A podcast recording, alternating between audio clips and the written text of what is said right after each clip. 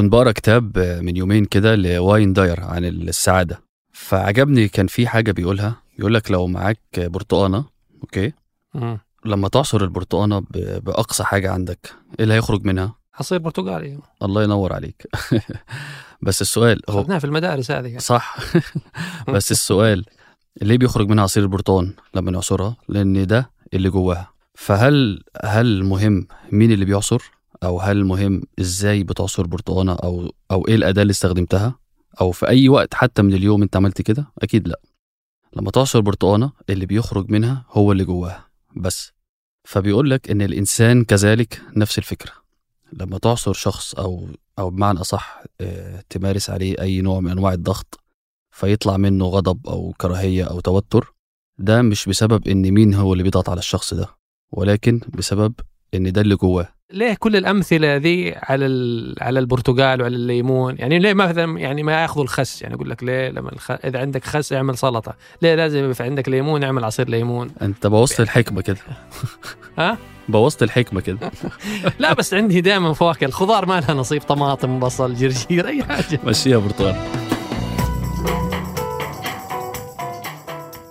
هذا بودكاست الفجر من ثمانية بودكاست فجر كل يوم. نسرد لكم سياق الأخبار اللي تهمكم. معكم أنا ثمود بن محفوظ. وأنا شهاب سمير. خبرنا اليوم عن قصة انهيار جملون أكبر متجر إلكتروني للكتب في العالم العربي.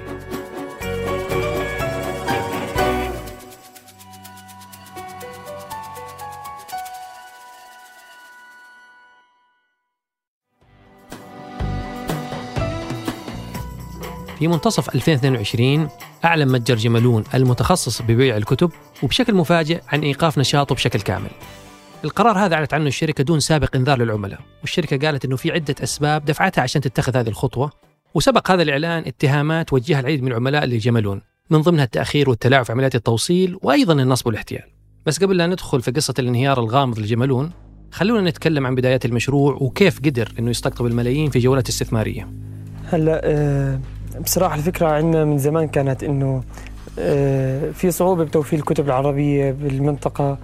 الكتب صعب تنتقل إلا عن طريق معارض الكتب اللي بتصير دوريا بين الدول العربية هذه هي الأسباب اللي دفعت علاء السلال مؤسس مشروع جملون أنه يطلق المنصة في 2010 السلال اللي درس علوم الحاسوب وتكنولوجيا المعلومات استغل خبراته في إطلاق جملون كمنصة لبيع الكتب من خلال الإنترنت في عمان بالأردن. بداية المشروع كانت متواضعة. المنصة انطلقت برأس مال ما يتجاوز 500 دولار ومجموعة محدودة من الكتب.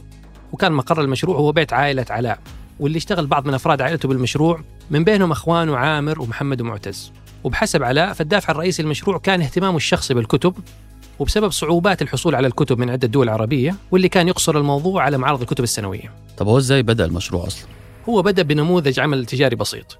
هو كان يتعاون مع دور النشر بالأردن يشتري منهم الكتب بأسعار مخفضة وبعدين يرفع صور وملخصات الكتب على الموقع وبعدين يبيعها ويوصلها للعملاء داخل الأردن واستمر بالعمل بهذه الطريقة إلى نهاية 2010 وفي نفس السنة تعاقدت جملون مع شركة أرامكس اللي هي شركة التوصيل العربية اللي كلها عارفها. وصار بعدين حتى فادي غندور اللي هو مؤسس أرامكس أحد المستثمرين في المشروع. والتعاقد كان ينص أنه أرامكس حتقوم بتوصيل الطلبات محليا. وهذه الشراكة كانت أول خطوة لبروز جملون كأشهر متجر إلكتروني للكتب في العالم العربي. وفي نهاية 2010 حصلت جملون على استثمار من فادي غندور اللي هو مؤسس أرامكس بالإضافة لمجموعة أخرى من المستثمرين. ووصلت قيمة الاستثمار في هذه الجولة إلى 400 ألف دولار. وأيضا وفي منتصف 2011 حصلت جملون على استثمار محدود من أويسس 500 وهو صندوق استثماري ومسرعة أعمال مقرها في الأردن يوفر التمويل والإشراف التقني والخدمات المكتبية. ورغم أن استثمار أويسس 500 يعني ما كان شيء كبير لكن جملون استفادت أيضا من التدريب والعلاقات اللي وفرها لهم هذا الصندوق واللي ضمن لها بعدين جولات استثمارية إضافية بعد ما رفعت من عملياتها ومبيعاتها وقدرت توصل لجمهور أكبر في الخليج والمنطقة العربية وفي العالم برضه. بعدين توسعت جملون في التعاقد مع الموزعين والناشرين وقدرت في 2015 إنها تحصل على جولة استثمارية بقيمة 2 مليون دولار من ومضه كابيتال وهو صندوق استثماري مقره في الإمارات. ولاحقا حاولت جملون إنها تجذب مستثمرين عالميين من بينهم أمازون اللي دخلت المنطقة في 2017. ورغم إنهم اجتمعوا مع أمازون لكن أمازون قررت في النهاية إنها تستحوذ على سوق دوت كوم بدلا عن جملون وهذا سبب حالة من الإحباط لإدارة جملون. لكن بعدين رجعت ومضه كابيتال في 2019 واستثمرت مرة ثانية مع مستثمرين آخرين في جملون ووصلت قيمة المبلغ المستثمر إلى 10 مليون دولار واللي يعتبر أكبر مبلغ استثمار يجمع متجر إلكتروني متخصص بالكتب في العالم العربي. هذه الجولات الاستثمارية ساعدت على انتقال جمالون للأسواق الإقليمية ونقلوا مقرهم للإمارات وأطلقت خمس مراكز توزيع في عدة دول من بينها السعودية والإمارات والأردن. وبنهاية 2019 حققت جمالون أعلى نجاحات في تاريخها وأعلنت عن تجاوز عناوين الكتب في متجرها 10 ملايين عنوان. وشراكات مع أكثر من 3000 ناشر عربي و27 ألف ناشر إنجليزي. بس غريبة ما شاء الله يعني بعد ال- النجاحات دي كلها. إيه إيه اللي وصلهم لكده يعني؟ إيه سبب الانهيار طيب؟ يعني شوف رغم هذه النجاحات لكن في كثير من الشكاوي كانت تيجي على جمالون أولها أنه اتهموا الشركة بسوء الخدمة وأنه في العديد من الكتب وهمية أو أنه يضعون كتب وهمية في ضمن قاعدة البيانات تبعهم.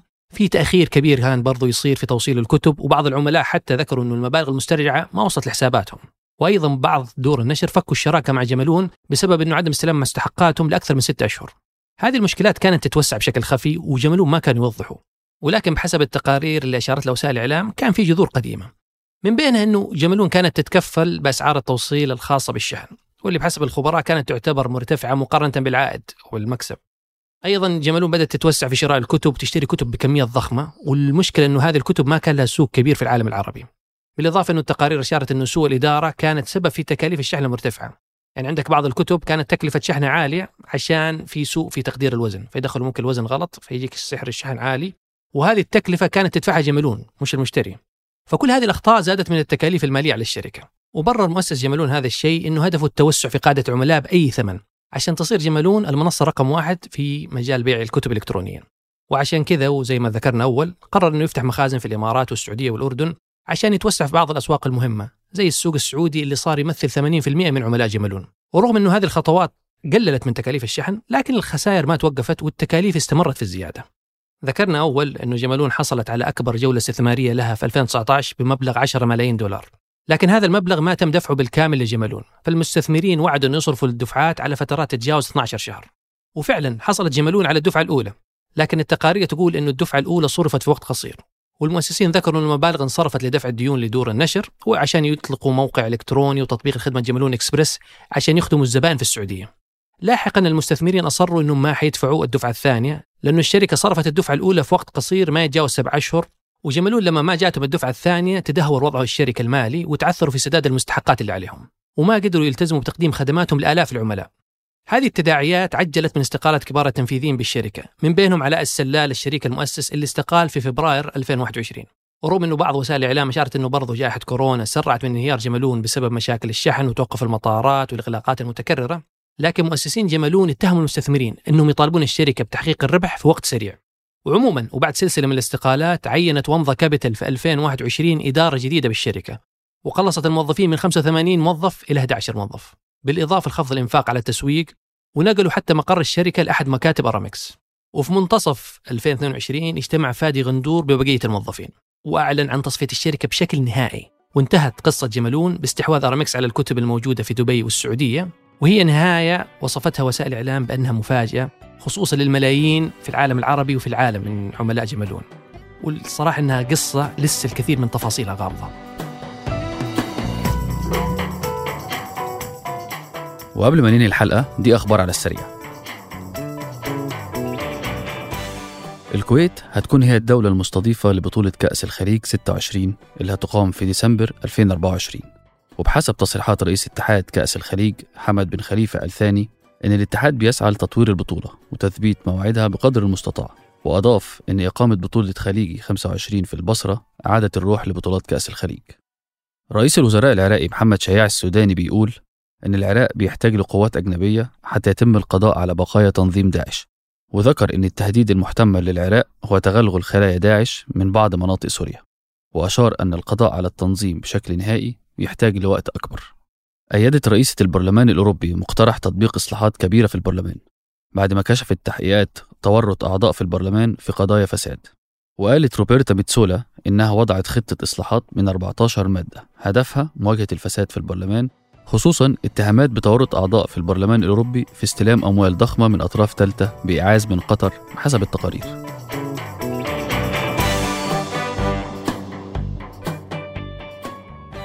أنتج هذه الحلقة تركي البلوشي وعبد العزيز الحبيل وقدمتها أنا ثمود بن محفوظ وأنا شهاب سمير. وحررها محمود ابو ندى. نشوفكم بكرة الفجر.